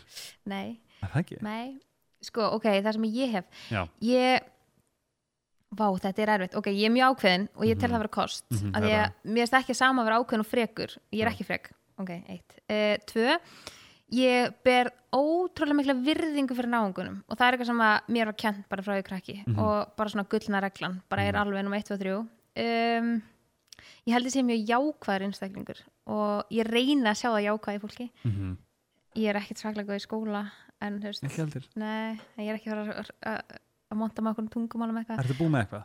já, ég sem sagt, kláraði stúdendin í háar Ok, í nice. svona frumgrendil já. Mhm. Og langar alveg að menta mig meira og svo var ég bara ólétt og Það- lífið. En ég meina en byrja þá að læra eitthvað sem þú virkilega brennur fyrir. Já, ég held líka bara að þegar það kemur yfir mig þá kemur yfir mig. Og ég er bara að gera fyllt öðrum hlutum í dag. Mhm. en svo held ég að sé bara frábæri mamma líka. Ég held að sé bara kostur Já, ég er mjög samanlega mér finnst það mjög gaman, taka- elska að vera mamma. En það? Já, elska það. Ok, Ég myndi vilja eiga tíu bætt sko. Nei. Jú. Getur ekki á tíu og gefa mér eitt? Ég skal eiga þrjú að gefa þér eitt. Nei, ok. Ég- ég Þá er búin. þetta fyrstir röðinni Já, af því að ég er algjörlega. ekki með leg og ég get ekki. Algjörlega. Við ætlum að taka eldsnögga pási Solrún það er nóg að gera hjá okkur. Ég með líður sem við getum verið í allt kvöld. Á já, ég er alveg saman en segðu mér eitt.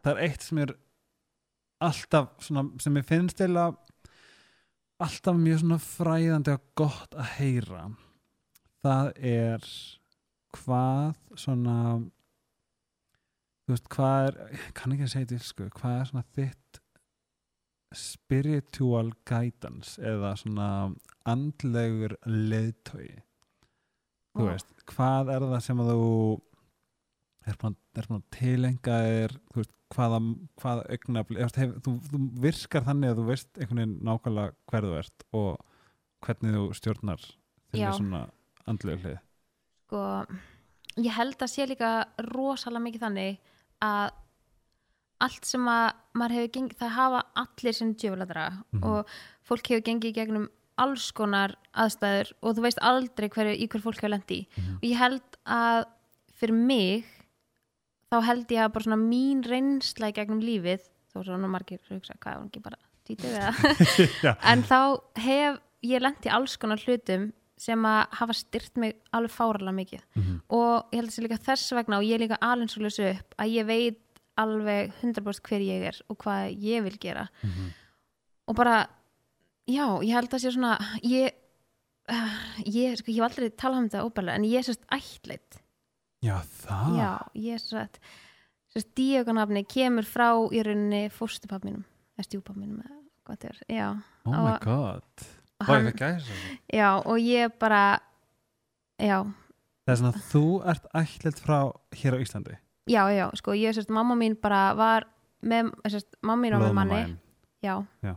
og hún sérst, sérst, eignast mig með manni og svo bara gekk það ekki og svo byrjar hún að vera með öðrum manni og hann sérst, er bara búin að vera pappi minn alltaf.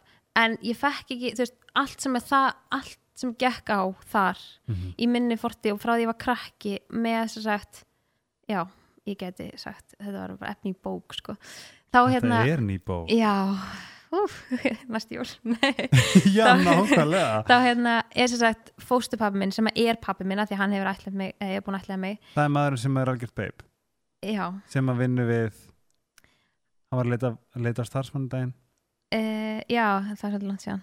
Það, á, já, ha, hann er Ha. mega beip hann er, já, hann, hann er bara hann er Hann er mín fyrirmynd í lífinu. já, hann Bara- er bara hann er svo mikil, hann er bara eh, bara stór ástæði fyrir hverju ég er ég í dag. Já, og hann hefur bara kent mér svo ótrúlega margt og ég bara lít svo mikið upp til hans.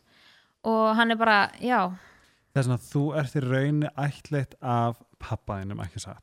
Já, í rauninni. Þú ert ekki ætlitt af ekki, mömmu, þú veist, Nei. mammaðin en þá já, já. Ok, Hanna, en að hann hafa sérst ætlit mig ég bara fannst mér svo ógisla ég var svo ógisla ánað því að það er ekkert sjálfgefið að, að ekkur, sérst, þegar hann byrjaði með mömmu þá er hann bara sko 18 ára eða 19 ára, hann bara tók strætó með mig í leikskólan og hann var bara þú veist, hugsa tilbaka núna, sægir 18, 17, 18 ára strák vera bara að taka strætó Já. með batt sem hann áhyggi, skilur það væri bara það er bara mjög sjald séð sjón Já. og það er bara ótrúlega fáir einstaklingar eins og hann og ég bara já, mér finnst hann bara frábær. Og ég er bara, og allt sem að hann hefur kent mér þó svo, jú, jú, þegar ég var úlingur var hann óþálandi og allt það en, en ég hef alltaf litið ótrúlega mikið upp Já. til hans. Og hann alltaf verið svona mín fyrirmynd og ég er svo ótrúlega þakklátt fyrir það að hafa mannis eins og hann sem mína fyrirmynd og hafa komið inn í líf mitt bara á þessu tímpúndi, af því að mamma mín egnaðist mig mjög ung, hún var hvað, 19 ára og var bara,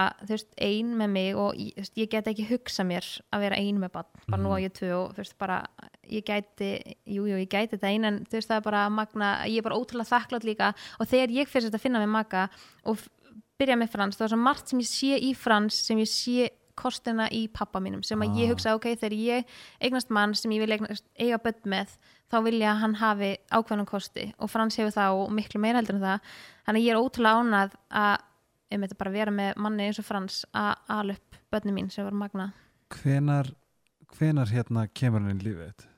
pappi Já. ég var hvað, eins, uh, tveggja, þryggja Þess að þú þekkir ekkert annað Nei, en það sem að er eiginlega bara svona, var mesta svona vesenið í minna æsku var sérst alveg pappi minna því hann var alveg inn í spilinu alveg lengi Hvað er hann í dag?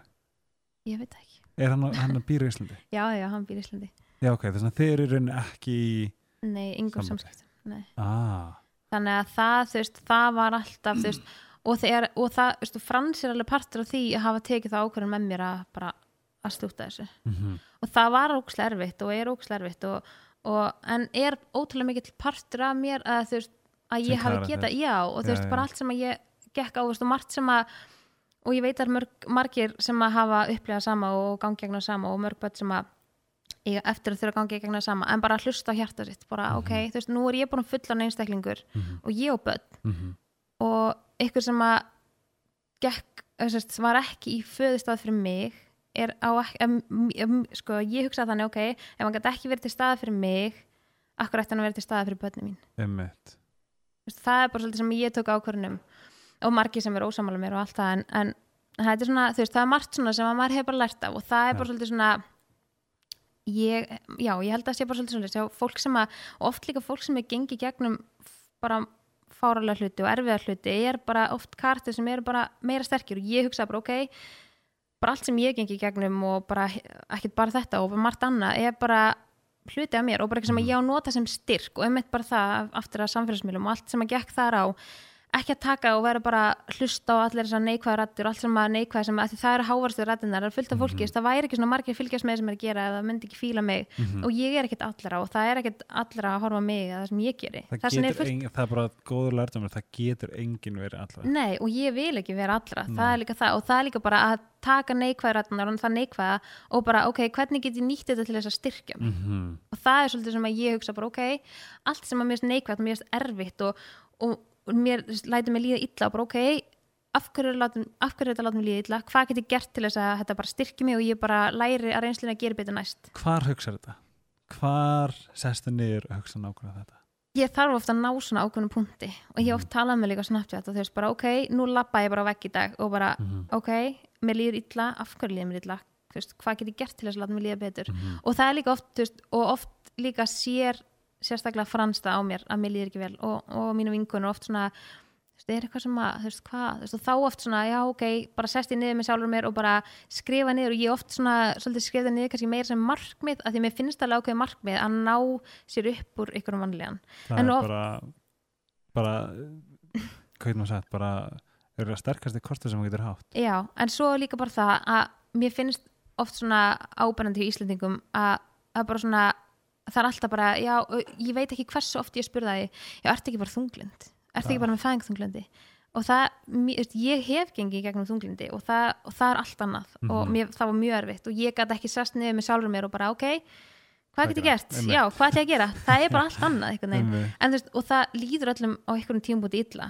þú veist, Mhm. það er bara þannig hversu, veist, illa en þú veist, svo líka bara ég get alveg þú veist, tekið van, þessa vanlíðan og bara þú veist, láta mig líða ennþá verð með að gera Mhm. ekki neitt í því og bara, ó, mér líður illa, ó, alls verður þetta og Mhm. hvernig Gle- að vera að vera næra Já, en staðin fyrir að, bara, ok, að vera meðvitaður um það og, bara, Mhm. okay, og líka bara það að tala um það og fyrir mig að tala um það upphátt bara eins og allt, að segja bara heyrðu þú veist, svona, mér líður svona þú veist, og fá fólk vera meðvitað um það og mér finnst þetta oft svona þegar fólk, þú veist, eh, að sé svona tabú þú veist, að ég ekki að tala um þetta, ég ekki að tala um þetta þú veist, mér, ég er rosalega mikið á móti því og þú veist, eins og bara til dæmis það þegar að stelpur vera óléttar að það er mikið tala um það fyrir hann á 12 viku Mhm. þegar 100% vissum að eitthvað allt sé lægi, ég skilða alveg vissur leiti en ég ákvað að segja til dæmis snemma að ég var ólétt, Mhm. af því að ef að eitthvað hefði komið fyrir, þá hefði þurft mest á styrknum, kring, fólkinu kringum að halda, ef eitthvað kæmi fyrir, af hverju á ég þá að vera ein með, þú veist, að maka fósturum þessi sé eitthvað sem maður er ekki að tala um. Já, þú veist, að því að, þú veist, jú, jú, ég skil að þú komið þrjár vikur og ég er ólétt, þú veist það, Já, er, já, það er ekki alveg þar. En svona þegar að, þú veist, maður fær grænt ljós og búin að fyrir sonar og það er alltaf lægi þó svo sé ekki komið tólta vika en að bara að tala um það og bara svona sína nánasta og að til að nýta styrkin frá öðrum þegar og segja sér, heyrðu þetta gekk ekki veist, það, gengur, það kemur þá veist, þá bara reynir maður mögulega aftur ef það er uh, keisið en svona að fá fólki í kringum hann til þess að bara standa að mann og hlúa að mannum sem mest þá ekki alltaf bara það gengur vel, skilur það er það sem ég skil ekki. Ég er svona ég finn hissa. Já, á alveg geggjaðan hátt. Mér finnst, mér finnst magnað. Hefur enginn kent þér þetta? Hvar fegst þetta, þetta hvar fegst þér upplýsingar? Sko ég held alveg vissu leiti að þetta kom líka bara frá fjölskyldinu minni. Af því að, að þú veist, ef mér gekk illa í ykkur eða mér leiði ekki vel eitthvað þá var alltaf ykkur tilbúin til þess að hjálpa mér í gegna og bara ok, Mhm. hvað þú veist, hvað, hvað getur við gert til þess að þetta þið líði betur að þú veist að hlutinni gangi betur fyrir sig en svo er þetta einhvern veginn sem ég bara svolítið bara tekið með mér út í lífið og bara svona og reyni að kenna sem flestum í kringum að því að leið og vinkonum mínar þeim líður ekki vel að gangi gegnum eitthvað þá er, er alltaf ég svo fyrst að bara ok, sko, bara hvað getum við gert bara hér, Já. af því að leið og fólk bara svona, það opnar svo augunum fólki að því fólk er svo fljótt að gleyma sér í að líða illa, en veist, lífið er bara alltaf stutt til þess að, að vera að spá í ykkur oft, og oft er þetta að leiða fyrir að tala um þetta þá eru hlutinni svo litlir að móti því sem að þú getur gert til þess að, að láta það líða algjörlega vel og bara um leið að þetta kom ég hef alltaf, ég hef alltaf, ég hef alltaf sagt það um leið að þetta komið út úr Já. haustum að þér, eða hjartan Mhm. að þér þá er það komin á betri stað. Þá ertu, á miklu betri stað til að díla við þetta. Algjörlega, það er svona, ég hef alltaf verið mjög vókal en það sem ég er svo kann, ég kann, það er ekki til, þetta er svo flott orð á dönsku. Positive overraskuð mm. þess að ég er mjög um, svona hissa á eða bara frekar magnaðan hátt mm. er að það sem þú varst að segja já, er ég búin að þetta er svona svör sem ég er búin að leita af og búin að sko gera síðustu svona þrjú ár. Já, ég var alltaf þannig að ég nærði vanlíðan. Já. Og það var ekki fyrir en að ég fór í svona life coaching og það var alltaf sagt með að skrifa allt niður. Mm og þú sást það og gerir það. Já. og þá ertu líka að koma með þetta á fast. Vist, ég set alltaf fyrir mig sem hverjurbili höstum aður þú ert með setningar út um allt það er alltaf að fara framhjá alltaf að skella á það einhvern veginn. Mhm. en þegar þetta koma blað þá veist þá ertu komið þú veist þá ertu komið svo nokkur orð sem þú veist hvað, eins og segir, þá ertu að Já. minna en við gerum á grein fyrir og við vitum hvað við eigum að gera við það. algjörlega og líka þú sérð ég hugsa líka oft, ok þegar ég heyri eitthvað tala um bara eh, sín vandamál og ég hugsa svona is, þetta er ekkert mál, við bara þú veist, við bara mössum þetta, skilja, ekkert Mhm. mál og ég kemur mín, veist, mín ráð Mhm. til þess einstaklings en svo oft þegar maður lendir í þessu sjálfur þá er það allt öðru sig þá er þetta bara, Algjörlega. þá er bara eins og heiminn og jörð sér farast, sem er alveg eðlilegt eins og maður segir alltaf, eða eins og segir alltaf þú veist, hvað myndur þú segja við bestu vinkonina algjörlega. Algjörlega og líka bara það að þarna líka þú hefur líka kent manni bara að hverjir standa manni næst. Mhm. hverjir nenna nenna en að gæsla bara hlusta á þig og, bara, Mhm. og reyna að hjálpa eins og mögulega geta í gegnum sem þú gangi í gegnum. Og hverjir eru þeir sem er bara, æ, þetta er alltaf það reddast, heyrðum við þrjóðan nákvæmlega, þarna sér maður bara og ég er, ég á alveg indislegar vinkonur og bara margar ótrúlega góða vinkonur og þetta er allt stelpur og vinu minn, einn vinn sem að bara eru alltaf til staðar skilur og bara umvefið sér fólki sem að læti þið líða vel. Og þá líka, ég hefur að hugsa um daginn þá líka þegar ég heyri eitthvað um mig og þegar fólk fara að tala um eitthvað um mig sem að heldur að þekki mig bara rosalega vel skipti mig minna máli af því að ég veit að þeir sem að standa mér næst og þekki mig vita betur og eru bara, heyri þetta og eru bara já ok, þú, þú veist. En ég breyti ekki skoðunum annara og ég, þú veist, ég er ekki að fara að vera eitthvað talsmaður fyrir að slúðri, skiluru og það slúður er alltaf líka slúður ég lærði að, að að maður á aldrei að eyða orku í einhverju sem maður getur ekki stjórna algjörlega, og þarna kemur það líka ef einhver, talar um mig eða hvað, hvað sem gerist. Ég Já. get ekki, veist Þú þeim, þeim, þeim munu tala um hvað sem er. Algjörlega. Hvað sem ég segi eða hvað sem ég segi á netinu eða hvað, hvað er. Nákvæmlega. Þeim munu samt segja þetta. Algjörlega, ég hugsa oft svona, ok, það sem ég heyri en svona í, núna, þegar ég er búin að vera í þessu hvað í tvö ár, þá finnst mér svona fólki í kringum mér hægt að segja mér allt, þú veist, ég fekk endalust fólk var að screenshota eitthvað á netinu og senda mér varst búin að sjá þetta? Það sem ég var að segja um mig já, eða já, já, bara, ég var sko að heyra þetta. Ég sagði við bara, ég held ég bara allar mínar vinkonur sagði bara ok, þú veist þið vitið betur, Mhm. ef þið eru óvissar um eitthvað sem þið heyri, spyrjið mig bara ég segi 100% að því ég er rosalega opinn og það, er- ég skammast mér ekki fyrir neitt sem ég er að gera og, ég, og það er líka þess vegna veist, það er svolítið svoleiðis, þú réttir ykkur um puttan þá tekur fólk oft hendina Mhm. og það er svolítið svoleiðis í þessum snapp heimi ég, ég er að gefa um hérna, færa á mér Mhm. auðvitað er fólk að fara að rauna skilur, og ég kemst ekki hjá því og þetta er, þetta er bara það sem að ég er að setja mér í þessu stöð skilur. það er bara þannig. Og ég verð bara svolítið að, taka því. Roll with the punches. Já, en, og svo oft heyri ég eitthvað svona og, og, og hugsa bara, ok hvernig get ég komið hlutunum betur frá mér eða gert eitthvað aðeins öðru sig til þess að sína fólki að þetta sé ekki svona sem að fólk er að tala um? Og það er svolítið svona sem ég hef gert. Og ég finn alveg mun og ég finn líka alveg mun að ég auðvitað er þetta styrkja mig og ég er að þroskast og allt þetta skilur þannig ég er svona já, ég held að það sé svolítið svona það sem ég hef tamið mér að bara svolítið emitt að ekki að spá of mikið í hlutunum bara hvar hefur þið tíma til þess að til þess að í hausina þér á nóttinni eða það, þú gerir þetta árum fyrir að sofa eða eitthvað Já, að því að leiða maður einhvern veginn leggst niður þá fyrir bara hausnum fullt mm -hmm. og oft ef maður er að keira þá fyrir Mhm. bara hausnum alveg fullt Mhm. og ég svona ég er oft bara andvaka bara og, og skrifa alls konar hjá mér og? Og- síman í síman, já, ok, notes. Já, ok. Og, ég, og svo oft sko, svo er það magna þegar maður svona hausnum fyrir bara alveg á miljón og maður bara út um allt og ég skrifa niður hjá mér alls konar hluti bæði bara svona markmið og eitthvað sem ég ofta að gera og mér finnst það bara geðið mikilvægt og ég get ekki sopnað í hugsa svo mikið um það svo vakna ég um morgun og ég bara hvað er að mér? já. Leið og ég líka bara það búin að skrifa það niður. Mm og bara, var ég alveg, gæti ég ekki svoðið við þessu eða? þetta er nefnilega eitthvað ráð sem að ég gleymi sjálfur og það er einhvern veginn sérstaklega við þetta finnst mér að það er alltaf gott að hafa einhvern við einhvern til þess að halda mann við efnið. Algjörlega, að það að skrifa niður hjá sér er mögulega besta ráð sem ég geti gefið.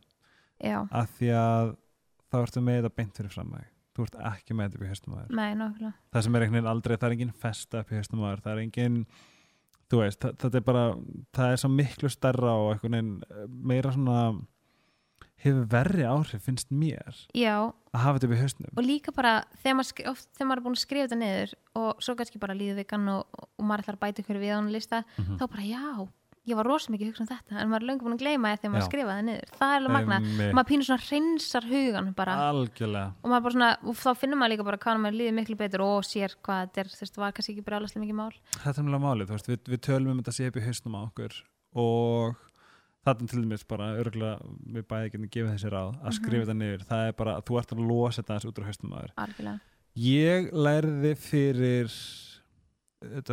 2015 þá kemur vendipunktur í mínu lífi, þetta bara erfitt ár og ég var reglulega með svona hnút í maðanum mm sem að var svona óþægilegur Já. og ég vissi aldrei hvað ég átt að gera ég var alltaf bara að reyna ok, fara í byrtu, ok, ok, ekkert svona, Mhm. svona. þanga til að ég tala við ég held að það hafi verið jókakennar að segja sér sem er indislega, hún er gamli sérst, kennar mér, ég er þetta að kenna mér hún er unnur og hérna hún sagði mér að, já, ég ætla bara, eins og ég seti unnur Óskars, hún er alveg, hún er frábær. Og minnur hún hafi kent mér hérna, íþróttir í gamla dag Mm. en hún sagði mér að an, ég var kannski í jókatíma hjá henni en hún var að sagði þú veist, að, e, veist, að anda niður í magan og ná í hnútin í rauninni með hverri öndun ert að losa. Já, eða þú veist, þú ert allavega að vinna að honum. Já, já, og þarna fannst mér þetta var líka svona vendupunktur í mín lífi. Já, af því að þú veist við erum eins og við erum örgulega flest sammeilegt að vera upplifa kvíða. Já, og þetta hefur verið algjör dílbreykar þetta er sama með að skrifa niður. Já. þetta, við getum alltaf gert eitthvað við þurfum ekki að grúfa og, og líða illa og vera fast í einhverjum hverjubil það er alltaf eitthvað. Algjörlega. Ég held að sé líka bara svona einmitt að hugsa líka bara svolítið hvað, ég hugsa líka oft bara ok, nú er mæsólun þryggjóra hvað lífið líður, líður bara ógæslega hratt mm. og bara að veist, og það er ógæslega mikið klísið að segja þetta en bara að lifa núna, ekki Mhm. alltaf ok, þegar þetta gerist, Aha. þegar ég ger þetta þegar ég eignast þetta eða, Mhm. og, veist, og ég, þeir ég eru massaðir já, nákvæmlega, þú veist bara veist, ég allána er bara bæði með það veist, hvernig ég lít út veist, ok, ég er búin að eiga tvö börn en ég gæti alveg betra formi en ég bara það er bara margt sem að er miklu ofar hjá mér. miklara, já. og þú veist, og bara lifa núna og ég fann þetta ógst mikið þegar ég, og ég svona pínu svona áttaði svona mikið á þessu þegar ég eignaðist mæsul og ég var alltaf, og ég lagst til að hún fara að brosa. Og ég lagst til að hún fara að hlæja. Og ég lagst til að fara að já, en núna, og svo þegar hún nær byrjar að brosa og byrjar að labba, þá var alltaf eitthvað annað eitthvað annað, já. maður alltaf eitthvað svona býð eftir ykkur, Mhm. þú veist það, lífið verður ekkert öðri sér þá og þú veist, lífið verður ekkert það, Mér finnst það mjög góði punktur og þú ert að fá mig til að hugsa um eitt sem ég heyrði í podcasti hjá Ópru mm, hún var að tala við Maya Angelou. Ú, og ég hafði svo sem aldrei viss, jú, ég vissi alveg svona hver hún var á þessi myndar svona, en það var mjög magna að hlusta á þetta. Ok, og hún og ég held að Ópra hefur verið að tala um hvað var besta ráð Maya Angelou til Ópru ok. Og ég var nú tilengið mér svolítið. Og það á pínliti við það sem þú- varst að segja. Það var að bókstaflega þakka fyrir allt. Mm það góða og þess læma nákvæmlega. Þú veist, einmitt bara einasta dag að klára það daginn og segja takk. Af því að þannig ertu strax búin að upplifi ég, þannig ertu búin að henda einu frægi sem er jákvætt mm í þann dag. Og hvað ertu að fara að gera morgun. Algjörlega. Sama með að ef að manneskja brýtur að þér. Þetta er samt ömulegt mm Mhm. veist, þetta var ráðinar óháð öllu. Mm samt að þakka fyrir. -hmm. af því að þá er þetta að fara að einhvers konar reynsla. Einhvers konar reynsla. Algjörlega. einhvers konar þú veist, Mhm. ég veit ekki alveg eins og hvernig ég orða þetta. Þetta var allavega en það er ástæð fyrir að það gerist skilur við, og svona að og hvað getur, þú veist, við getum tekið við getum lært af bókstaflega öllu. Mm ég, er al, ég, ég er mjög samlega og ég er líka þannig að veist, oft er fólk eitthvað svona talar um eitthvað sem að eitthvað sem að gerist sem að er rauninu neikvætt. Mhm. ég hugsa alltaf bara svona, ok, það er eitthvað ástæð fyrir að þetta gerist, Mhm, ég hugsa óslega mikið það er bara eitthvað, það er ástæð fyrir hvað öllu get ég tekið, með, hvað get ég tekið frá þessu? Algjörlega, og bara, hvað get ég gert betur næst? Mhm. Veistu, það er ástæð fyrir þetta gerðist svo læra reynslinn og gerir betur eitthvað annað sem að býða þín, mm Mhm. það er bara þannig. Og veist, ég einhvern veginn, já, veist, og ég fekk, sérst, ég til dæmis ég og Frans eignust, veist, ég var ólétt hérna, mjög stuttu eftir að við byrjum sérst saman Mhm. og ég hugsaði bara, ok, þannig er kannski bara einhver að segja mér bara, þetta er bara maður sem ég á að vera með já, já, Veist, það er einhver ástæð fyrir að ég Mhm. verð ólétt svona strax, skilur Mhm. og ég bara gæti ekki verið þakkláttur í dag og það, þarna hugsaði ég bara shit hvað ætla fólk að haldi skilur, að hugsi, en það er bara eitthvað sem kemur engum við og ég veit að það er ógsta margir í þessar stöðu.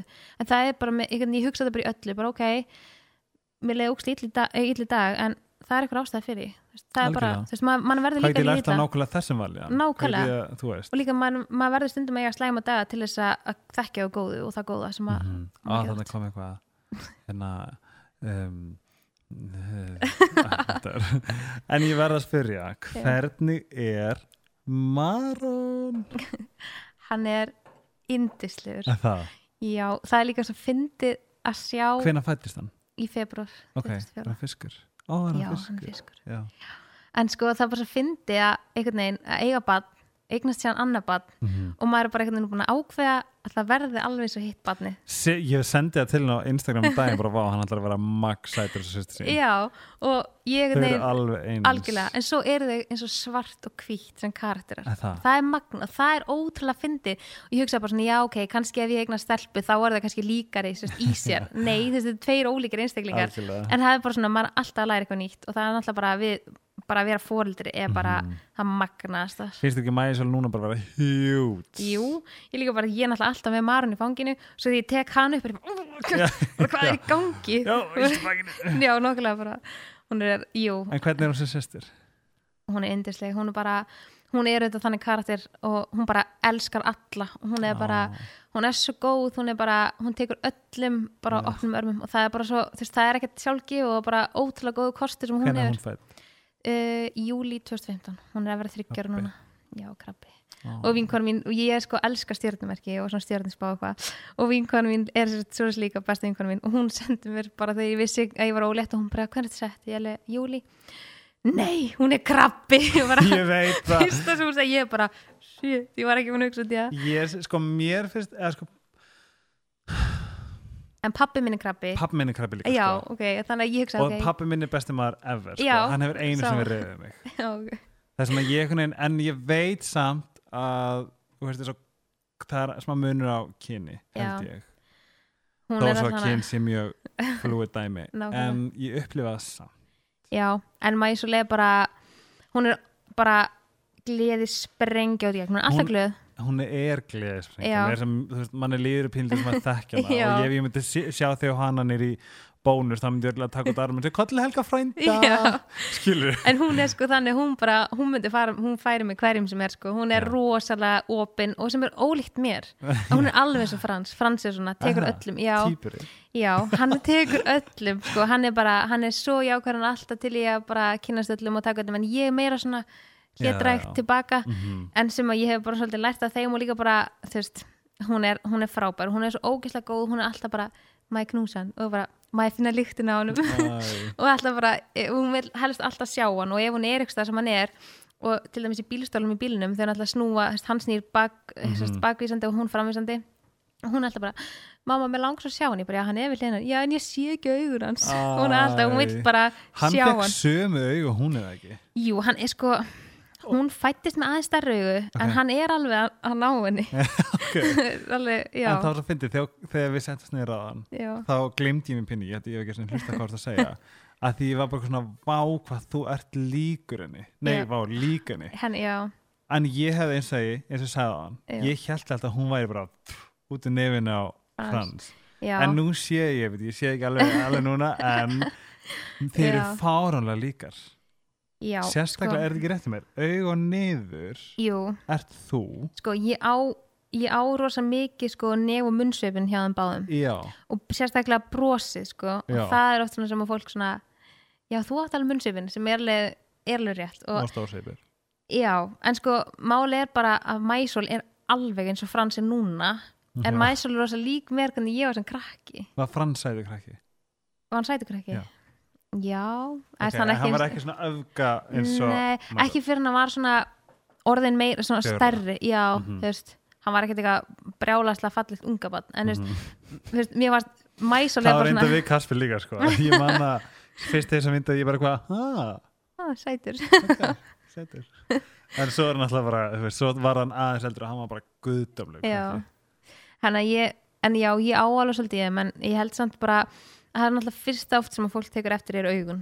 Og, og þau eru náttúrulega Frans sem er þau tala rosalega í svona tungumáli þegar þau skilur já, og, og Frans er náttúrulega bara með rosalega fallegu og, Mhm.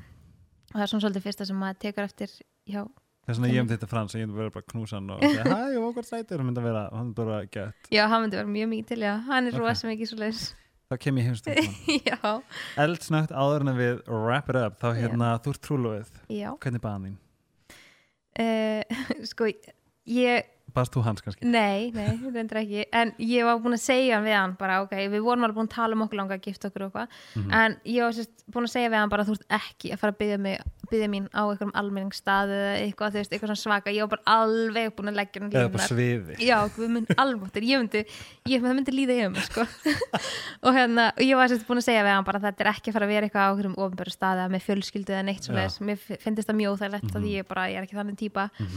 mm og þetta sem væri líkt honum sko, af því hann er svona allt yfir sinni Mhm. en hann hérna þetta var bara rosa mjög svona bara persónulegt. Þetta var sér daginn fyrir gamlás 30. desember og, 2000 og mæsuleg 2000 2015 ok, já, og hérna og mæsuleg bara sex mánuð þarna og ég er eitthvað á baði sérst eitthvað, og mikið hafa mig til fyrir gamlás eitthvað, preppa, ég var að setja með maska og eitthvað og, og hann kemur hann á bað og með mæsuleg í fanginu og mæsuleg sérst með ringin oh, Já, og mjög grútlegt. Nema ég var svo stíf í framan á maskanum og ég gat, það er svo brotnað já, ég saman ekki sínt með viðbreyð, ég var bara eins og ég var bara þvílít bótox í framan og okay. það er mjög fyndið. Og ég bara, uh, svo bara lágu tárin og bara maskin bara byrjaði að blotna en þetta var mjög svona já, með hann í fanginu Æ, hvað það er ógeðslega og mér þykir ótrúlega vænt það en þetta er ógstlega fyndið svo þetta er mynda mér að sem ég er með svona hálfan maska búin að tárast eitthvað með ring eitthvað. Þetta er ótrúlega skemmtilega Má ég hafa þessa mynd á coverinu á podcastinu? Mm, já, sjáum til. En segðu mér, brúðkaup, er það eitthvað Já. í vændum? Já, það er sko, við ætlum að gifta okkur í sumar. Ok, um, svo langa okkur í annað barn og, og við erum bæði rosa mikið barnafólk og við vorum alveg að missa okkur langa í annað barn. Þannig að var það ólétt og ákvaðum að pínufresta eða okkur langar halda geggja partí. Og Frans verði sko þrítur næsta sumar. Er hann 89 model? Já, Kasper líka við erum margt saman við erum mjög margt sammeðilega og, hérna, og hann þrítur sérst næsta sumar og við erum spöðið að gifta okkur þá og halda bara risa brúðköp partí býði og... hvenar, ef hann ámæli 31. maður styrlast ég Nei, hann ámali 7. júni ok, hann er mér Þannig að, já, þannig að við ætlum að plani er, ertu að byrja að plana? ertu að byrja að skoða? já, það þarf að lega fólki fylgjast með já og ég sko, alltaf þetta opið brúköp nei. En sko, svo veit ég ekki þú veist, ok, það er ár í þetta rúmlega. Ég veit ekki hvar ég verð eftir ár og mér finnst það ótrúlega erfitt að lofa ykkur. Mhm. en eins og staðan er núna þá mun fólk alveg fá að sjá eitthvað. Mhm. en þú veist, ég er bara þann típa að ég geta morgun bara, er það ekki bara er livestream? já, eins og Kamla ég var náttúrulega með livestream úr brúðköpun hennar. Það var ótrúlega gaman en Já. það er bara ekki ég. Nei, nei, nei. ég er svona þetta er rosalega persónlegt fyrir mér Einmitt. þannig að og eitthvað svona, að ég veit ekki en alltaf fólki fylgjast með þú veist undibúning Já. og svoleiðis já og veist, svo á ég þetta fullt af vinkonu sem eru stórar á samfélagsmiðlum Mhm. sem að Sem þetta aðstaða. munu, já og munu sína fara á Einmitt. skilur ykkur Einmitt. en ég er bara svona ó, ég er bara svo spennt, þú veist, það sem ég er búin að plana er ég bara svo spennt fyrir þú veist, ég ætla til dæmis að kaupa brúðakjóla minn úti og vinkonum ég ætla að fara með mér út og Ok. ég er svona, New York, ég veit ekki alveg við erum ekki alveg búin ákveða Vera Wang já uh, þannig að þetta er svona svona hluti sem ég er ótrúlega Já. spennt fyrir og mér langar ótrúlega mikið að fá vinkonum mínar meira í þetta Involved, ferli já. ekki eitthvað svona brúða með feeling alls ekki, já, já. en bara svona með í þetta þú veist mér langar að þær vera með mér á hótelinu mér langar að þær koma með mér út að velja kjólin og ég er svona búin að ég er, ég er rosalega, ég veit ég er rosalega stjórnsum og ég ætla Mhm. með geggjar hugmyndir og ég er búin að svona planta nokkrum frægjum hjá maður svona, já vil ég ekki bara gæsa hann úti að ég er ekki fara að vera blekun í bæ, ég tekja vann á móðir eitthvað í fróðsinn galla eða eitthvað, ég er ekki alveg þar. Sko, ég er búin að vera ég er að hjálpa til að sig. Já, og ég fann það að það sem ég, það eina sem ég vildi segja við þér og brindi fyrir Mhm. það var, þú veist, að að ég fann að þú veist, hún ringdi um daginn og sagði að, þú veist, hérna, getur við hist að því ég finna ég er þetta veistustöri já, og þú veist, ég er hann svolítið stressuð. Já, og þá er mitt þar fyrst sem ég hugsaði bara, ah, ok, þú veist, ok, ég verði að sannfarn um það, þú veist, það er engin ástættur að stressu að því að hún þarf að njóta upp að, algjörlega. Þú veist, og það, og ég, og þetta er með þess að vinkon okkar, drengileg, yngileg, og frábær. hérna, og, og hún nefnir sagði, ok, það er rétt, skilur, mm það, þetta er líka, þú veist, að undibúa þetta á líka að vera svo dásanlegt. algjörlega og það er bara partur af ferðlum því að svo dagurum bara líður bara ótrúlega hratt og allt sem er búið að ganga á undan búið að taka langa tíma og það þetta að vera geggjað og líka Einmitt. bara það, eins og ég sagði við Kamilu þegar vinkunum mín, þegar hún gifti sig Mhm. hvað er ár síðan þá sagði ég venni, ég bara, það er engin að spá í því hvort þú sett með réttu blómin eða seriurnar eða salurinn eða whatever, það er bara fólki komi og njóti með ykkur, er bara pointið ef maturinn floppar eða skreitingar er ekki allt 100%, það er engin að spá í því. Og það er engin að ágjöra nema bara þú að því þú veist það skilur og bara, Algjörlega. það er ekki sem skiptir máli. Þetta er einmitt sem að svona mætti, þú veist, let go, eða skilur, mætti bara sleppa því að ef þetta,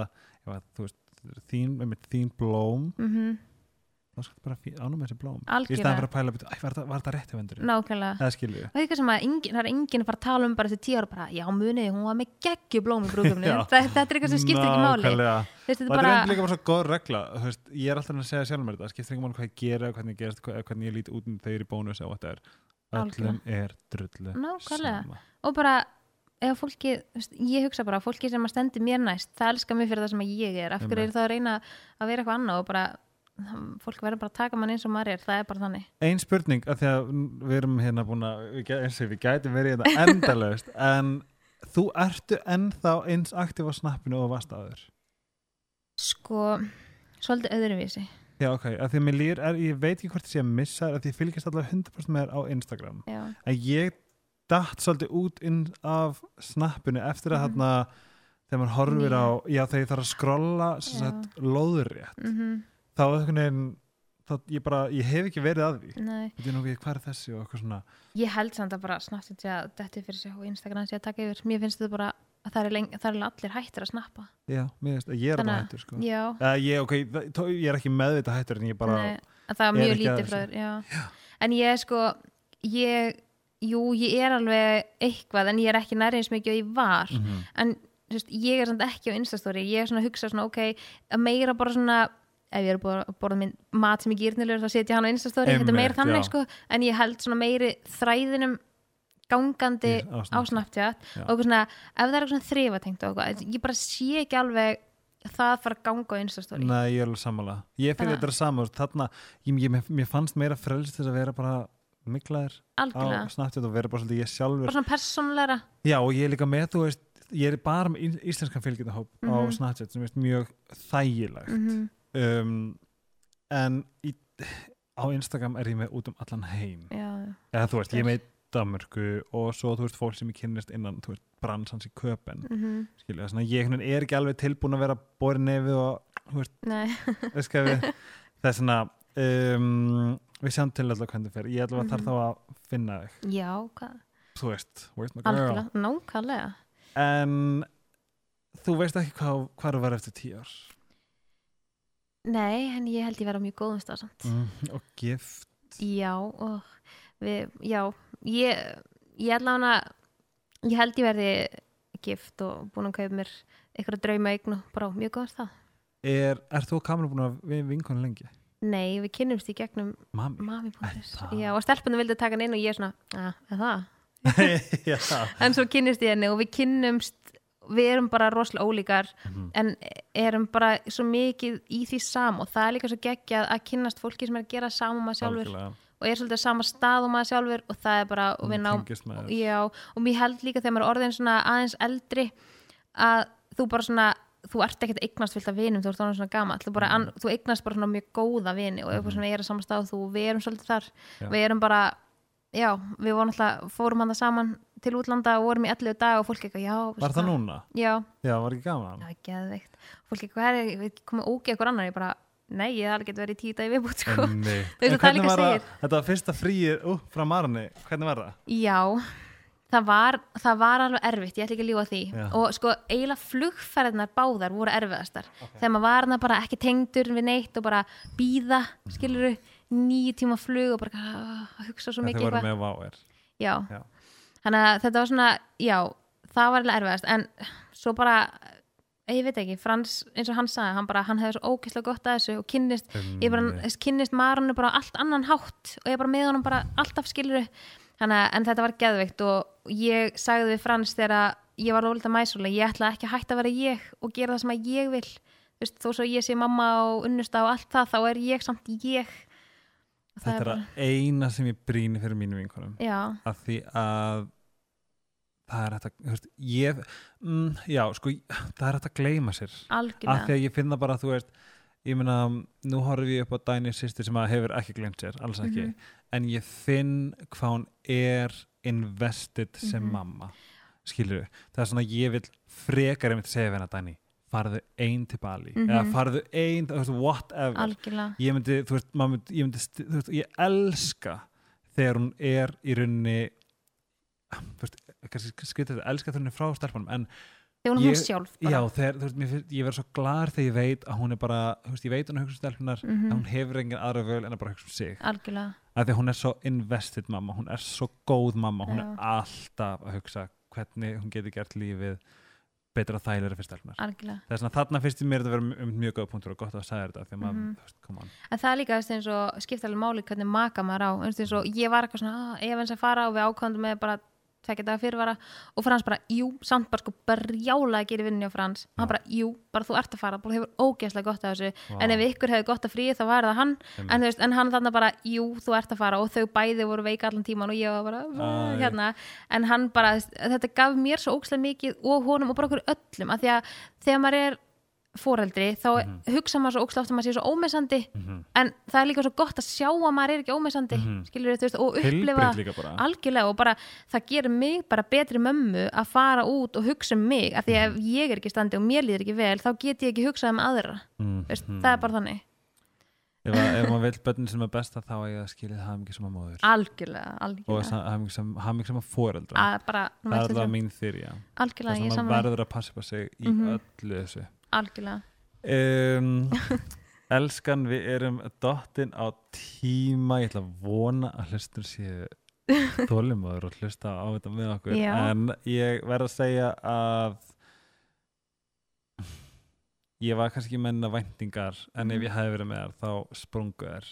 Þú ert er yndisleg takk, sumleiðis, ótrúlega gaman. Ég, mér hef alltaf langað að koma í svona podcast. Núna ég svo eigum við okkar eigið. Já, ég get sventur og þú ert velkomin hvenær sem Ó, er. takk. Og kannski við höldum bara smá brúðkaups þáttir sem við að fólki fylgjast með. Hvernig væri það, það var geðvikt ég er alltaf mjög spenntur. Og það er ljósendur að you just holla at your boy? Uh, ég get bara planað núna, ég er ekki með neitt ég skal gefa feitur ansat oh, en þið finnið sem að þið örgulega öll vitið. Solon Diego á Instagram undir Solon Diego. Jöp, Snapchat Solon Diego. Mjög auðvelt mjög auðvelt. mjög auðvelt, þið finnir mig undir Helgi Ómarsson á Instagram og Helgi Ómars á Snapchat og ég sé ekki náverkur en uh, trendnet.is gafstur Helgi Ómars. Annars segi ég bara takk aðeinslega fyrir mig. Takk Solrún fyrir að koma. Við sjáumst eftir tæplega ár. Allavega. allavega ár. Og eins segi bara takk fyrir mig, þetta var ótrúlega gaman Þú ert- gaman, æði. Já, takk. Kirsti Maron og Maja Solfrans Já. og Pítur Frans. Ok, bye. Þú ert að hlusta á helgarspjallið á Áttan FM